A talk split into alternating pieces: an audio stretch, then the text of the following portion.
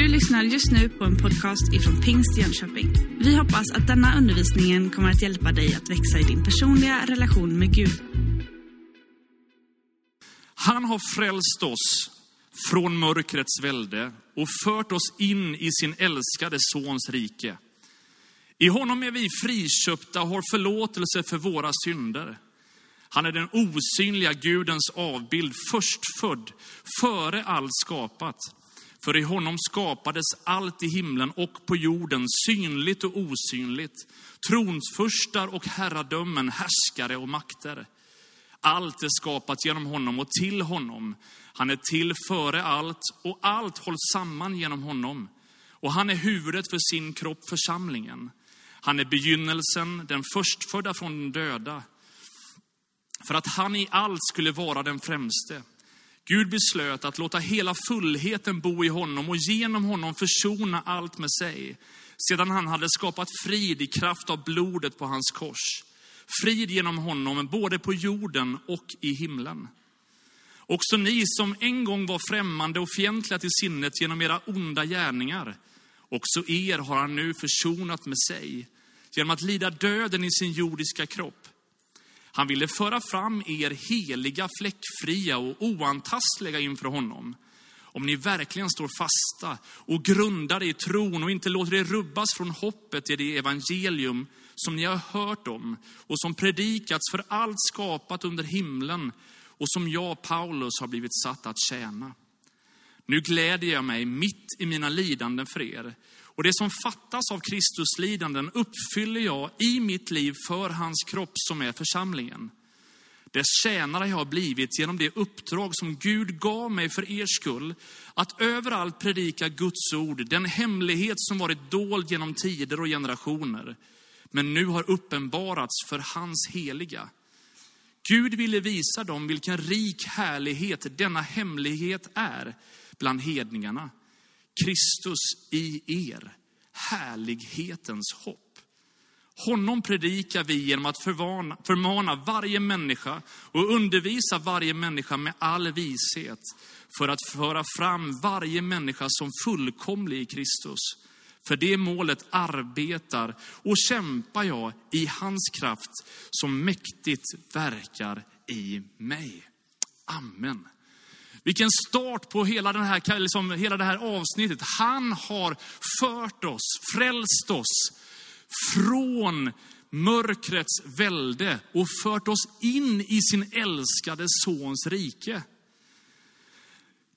Du är frälst från någonting och förd in i någonting.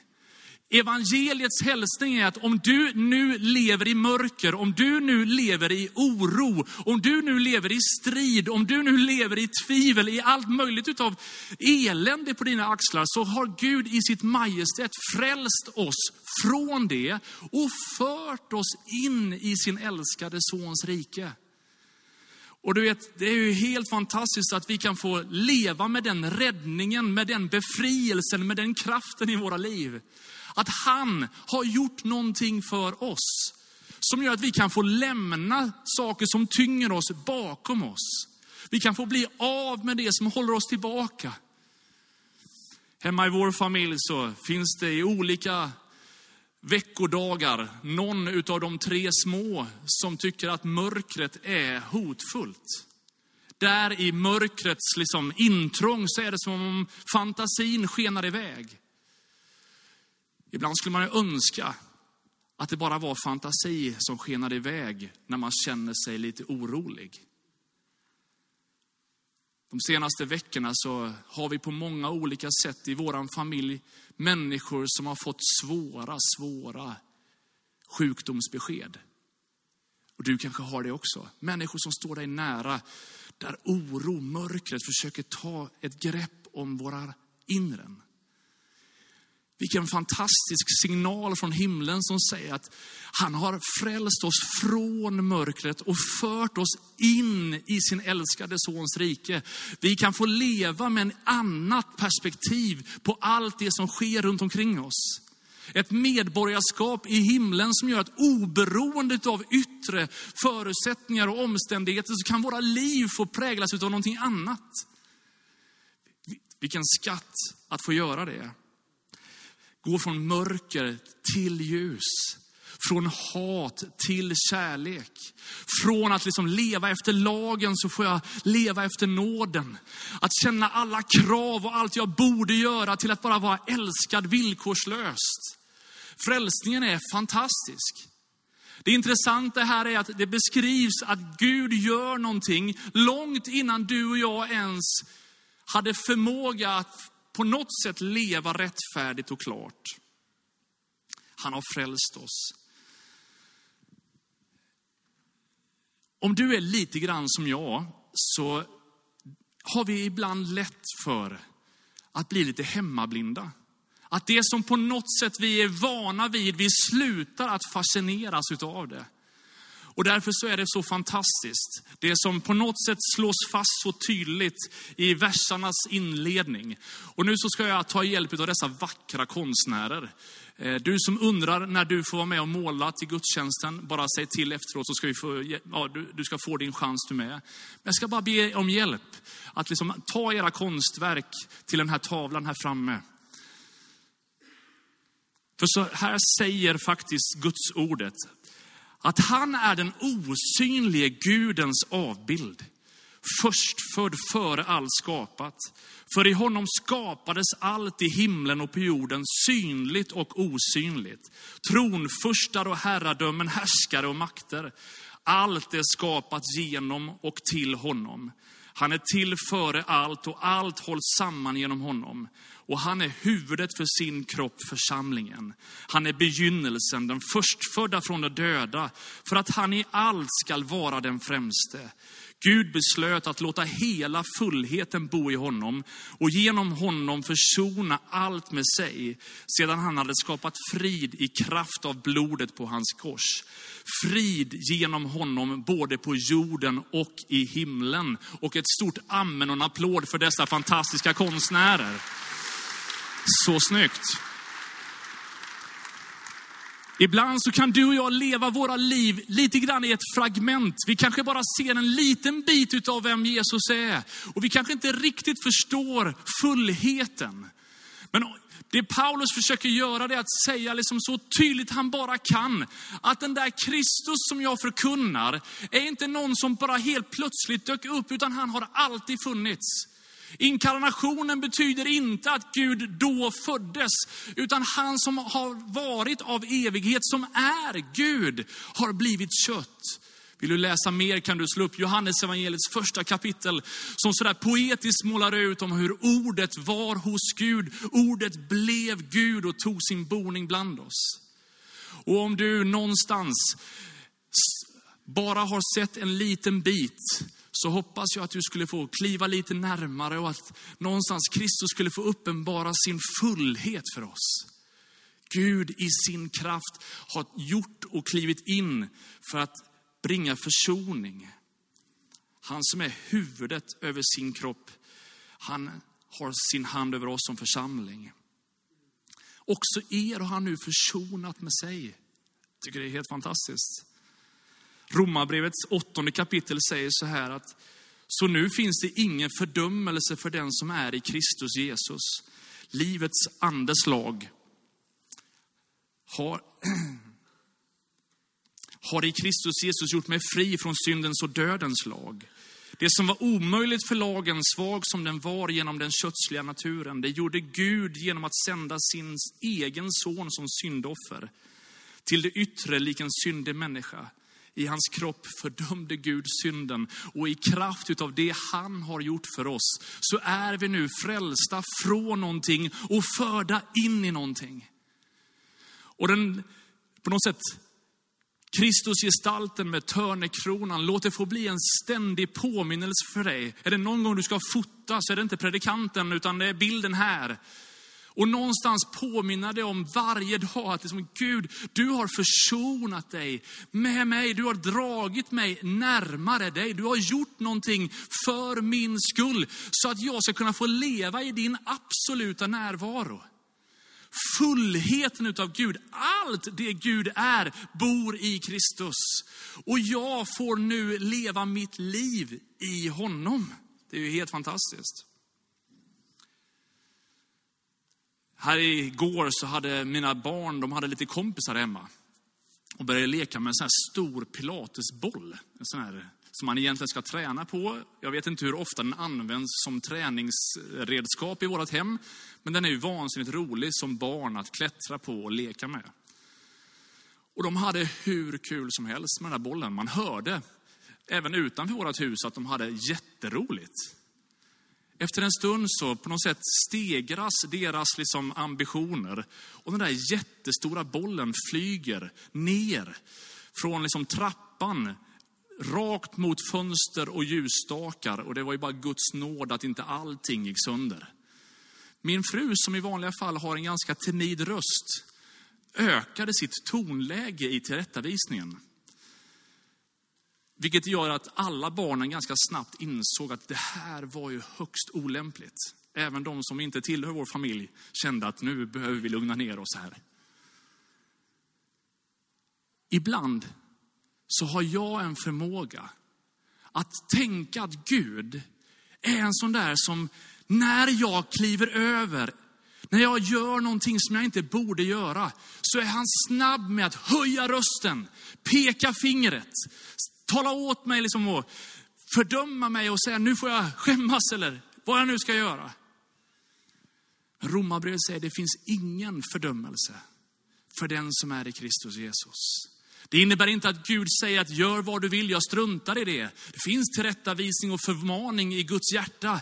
Men det kommer från ett annat håll. Det är inte från, med fördömelse någon gång. Det är inte för att du ska fyllas av skuld och skam, utan han vill i sin kärlek lyfta dig upp. Och därför så har han försonats med oss. Han har liksom tagit synden på sig för att bringa oss livet i Kristus. Och så fortsätter han. Vi läste om att vi skulle stå fasta och grundade i den tron. Mattias, kom du får vara lite illustration här. Mattias har ju en fantastisk balanssinne, så du ska få stå på ett ben en liten stund. Bara, du kan få stå där. Kan du stå på ett ben? Ja, super.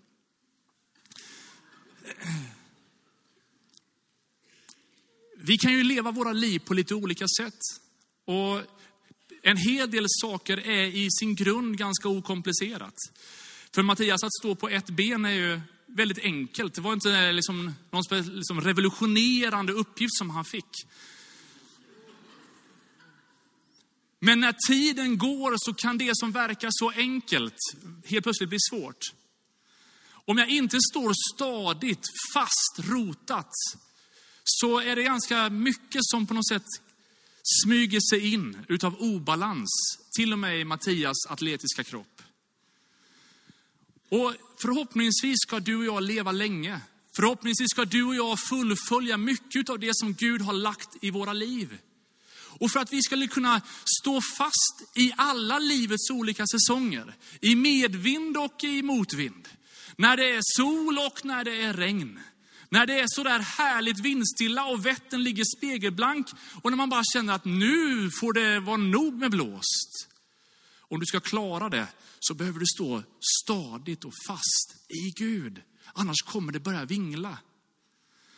Och nu har han hittat någon slags halvt bra viloläge. Problemet är ju bara att det krävs inte speciellt mycket för mig att någonstans utmana hans balans. Jag behöver inte ens putta mycket för att någonstans störa. Ah, du kämpar bra, eller hur? Ja, jag tycker du är riktigt strålande. Visst är det kul att få predika ihop så här? Verkligen, Ja. verkligen. Mattias sa innan så här, kan du inte ta upp mig på plattformen så att jag får på något sätt vara med? Så jag kände jag får hitta på en liten liknelse snabbt här så han kan vara med. Livet är ju fullt utav utmaningar. Det finns en själafiende, en ond kraft, djävulen personifierad, som säger att jag har kommit. Han har kommit för att stjäla, slakta och förgöra. Vilket innebär att det finns någon som gärna vill få dig ur balans. Som vill säga till dig, nej, du, eh, om du ska vara en riktig kristen så måste du minsann leva upp till den här andliga standarden. Annars så kan du lika gärna stanna hemma.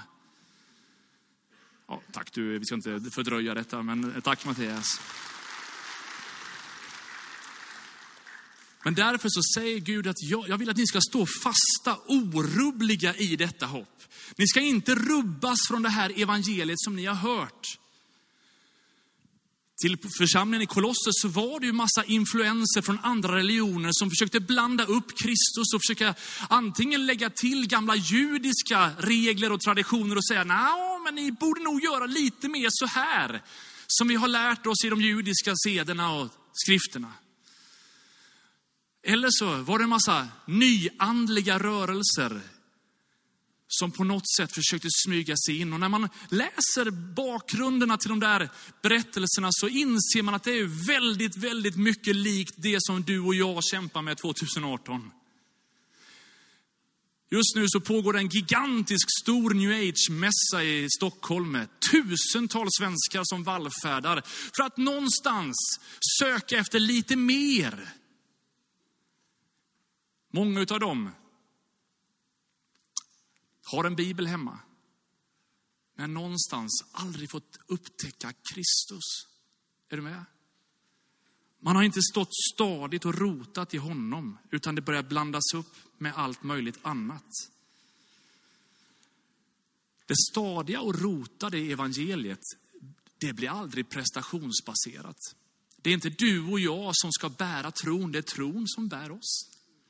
Så att vara stadig och rotad och stå fast i det här evangeliet, det är att verkligen bara få vila i hans armar.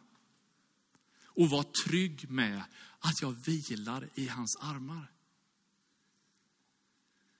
Jag pratade med en man som är en bra bit över 40 år, som har gått igenom en riktigt tung tid i sitt liv.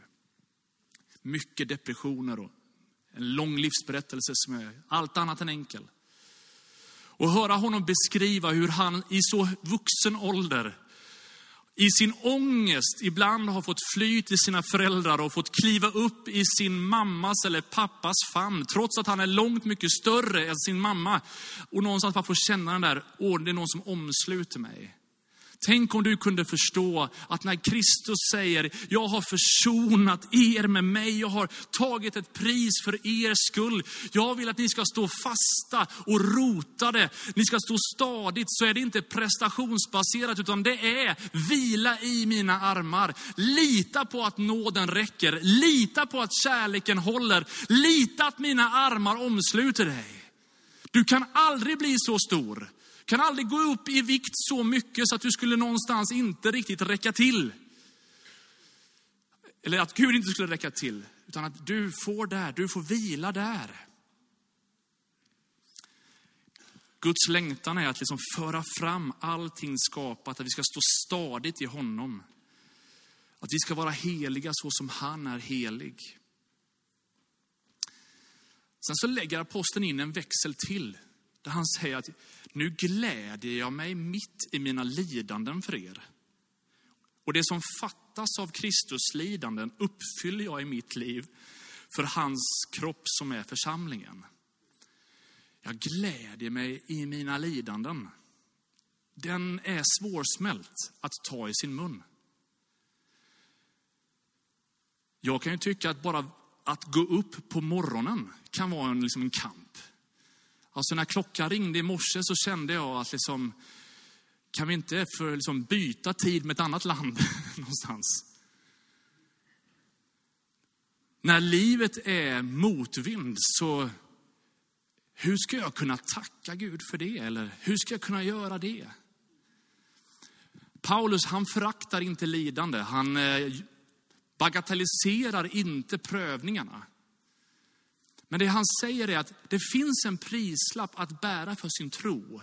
Jag kan ibland utsättas för att liksom lida för Guds namnets skull. Och om det är för Gud, om det är för hans församling, säger Paulus, då är jag beredd att bära det här lidandet för er. Jag förstår att det jag nu går med om, det här det jag utsätts för, den prislapp jag får betala, den är inte bara för min skull utan för ett, ett högre syftes skull. Kristus lidande som Paulus refererar till det är ju inte att han förväntar sig att han ska dö och att Kristus, när han dog på korset, att det var ofullständigt. Så nu behöver Paulus liksom addera till lite lidande här för att det ska vara fulltecknat. Nej, men det Paulus gör tydligt det är att efterföljelsen till Kristus är inte alltid enkel. Och ibland så kan du och jag ställas inför situationer av att stå upp för våran tro och det kan få bära en del konsekvenser.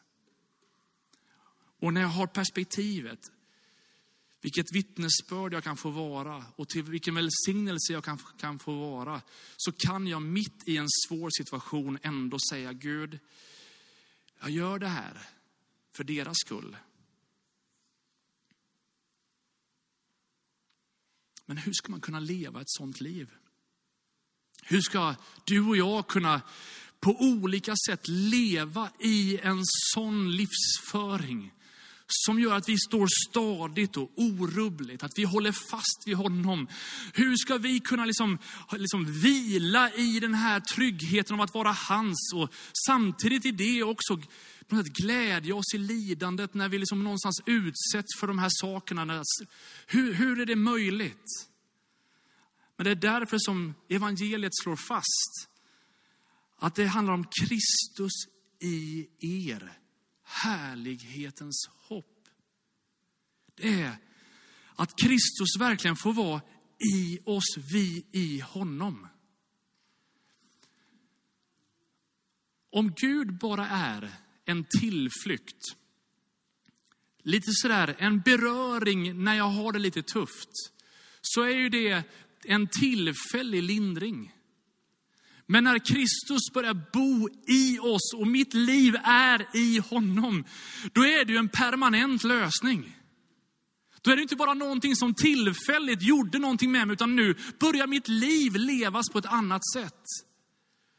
Och här säger det Paulus att när Kristus bor i er, när ni är i Kristus och Kristus är i er, så kommer det här härlighetens hopp, det bara, det bara blir en konsekvens.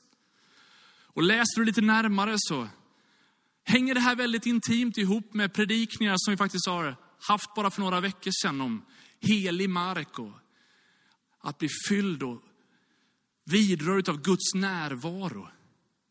Härligheten från Gud får faktiskt ta fäste och boning i våra liv.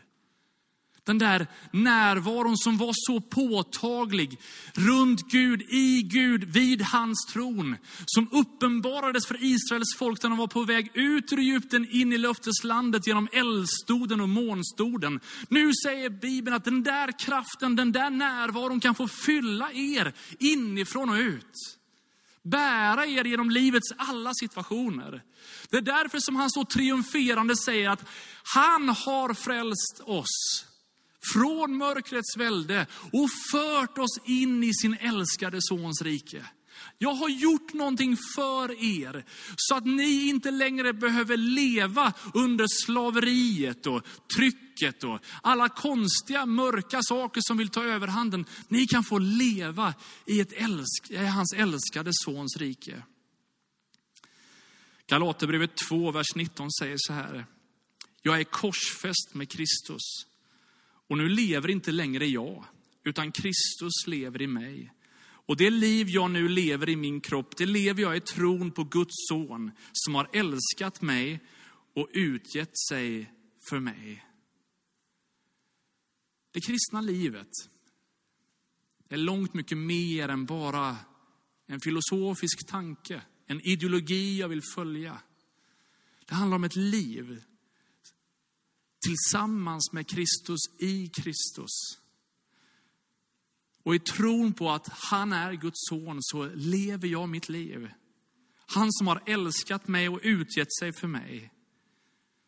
Utifrån det livet så börjar mitt, mina prioriteringar och mina vardagssituationer att få ett annat innehåll och kanske en annan riktning. Och än en gång, kraften är så påtaglig så att jag, även om jag vandrar genom dödsskuggans dal, fruktar jag inget ont. För han är med mig. Han bor i mig, han är tillsammans med mig. Så oavsett vad jag får för sjukdomsbesked, oavsett vad de säger på min arbetsplats eller hur konjunkturerna går, om räntan går upp eller ner eller hur det än blir med det eller det, så behöver jag inte vara orolig. Behöver inte vara otrygg. Han håller sin hand över mig. Du hörde alldeles nyss sången, han är mer än fantastisk. Jag har försökt under några minuter att försöka ta de här bibelorden och andas på dem och låta dem få andas på oss. Och uppmuntra dig och mig till att tro att Kristus faktiskt har gjort någonting som kan förvandla ditt och mitt liv. Jag skulle bara uppmuntra dig att ta Guds ordet till dig. Låt det här få sjunka in mer och mer.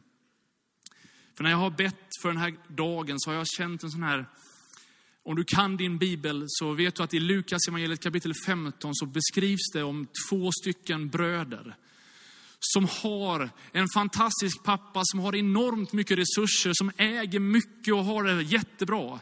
En av dem lämnar fadershuset och spenderar hela sitt arv och är extremt vanhedrande mot hela sin släkt. Men efter ett tag så återvänder han och känner att ja, det här livet som jag har levt i mig själv, det kommer jag ingen vart med.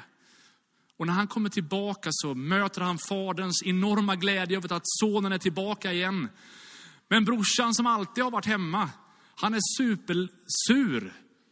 För att nu liksom visar pappan sån glädje över den här brorsan som har varit så vanhedrande mot släkten.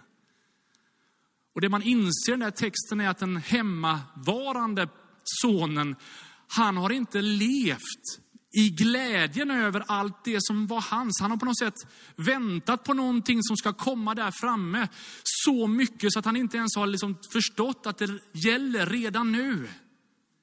Och jag har tänkt på dig och mig som kanske har varit kristna länge. Ibland så kan man sluta fascineras över Kristus.